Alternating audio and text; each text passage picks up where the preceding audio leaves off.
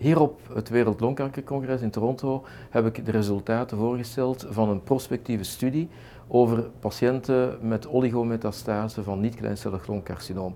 Het was eigenlijk de eerste prospectieve studie wereldwijd die we gedaan hebben en gestart in 2006. En hier hebben we de echte long-term results gebracht. Dat is van belang omdat er eigenlijk uit prospectieve studies op dit moment geen data zijn over de overleving op lange termijn met patiënten met oligometastase.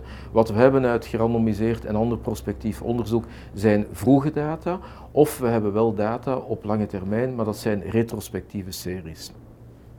Belangrijk was dat de patiënten gedefinieerd worden met oligometastase, maximaal 5 metastase, maar in werkelijkheid 87% van de 40 patiënten hadden maar één metastase. Dus het idee van heel uitvoerige metastasering komt daar helemaal niet uit in praktijk.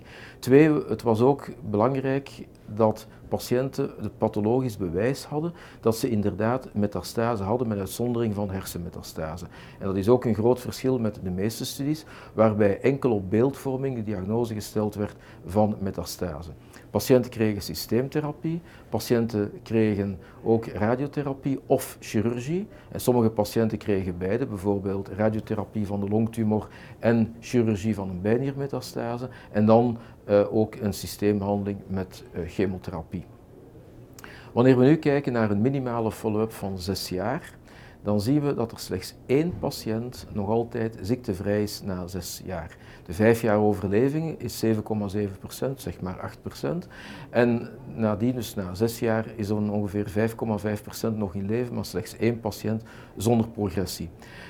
De mediane progressievrije overleving is iets meer dan één jaar, wat overeenkomt met andere reeksen. Dus we doen het eigenlijk wat dat betreft niet beter of niet slechter. Maar het is wel teleurstellend om te zien dat bijna alle patiënten een recidief vertonen.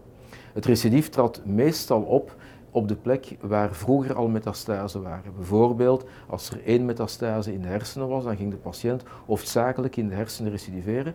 Ging het om botmetastase, dan was het zo dat de andere metastasen meestal ook in het bot kwamen. Natuurlijk, gelukkig is het zo dat de tolerantie voor de behandeling goed was. Wat zijn volgens ons de implicaties voor de praktijk? Dat is dat eigenlijk oligometastase-patiënten de facto inderdaad gemetastaseerde patiënten zijn met een heel slechte overleving. Dus vandaar dat het belangrijk is dat we de patiënt goed kunnen selecteren. Op dit moment hebben we jammer genoeg geen biologische kenmerken om dat te doen, maar daar is veel meer onderzoek voor nodig.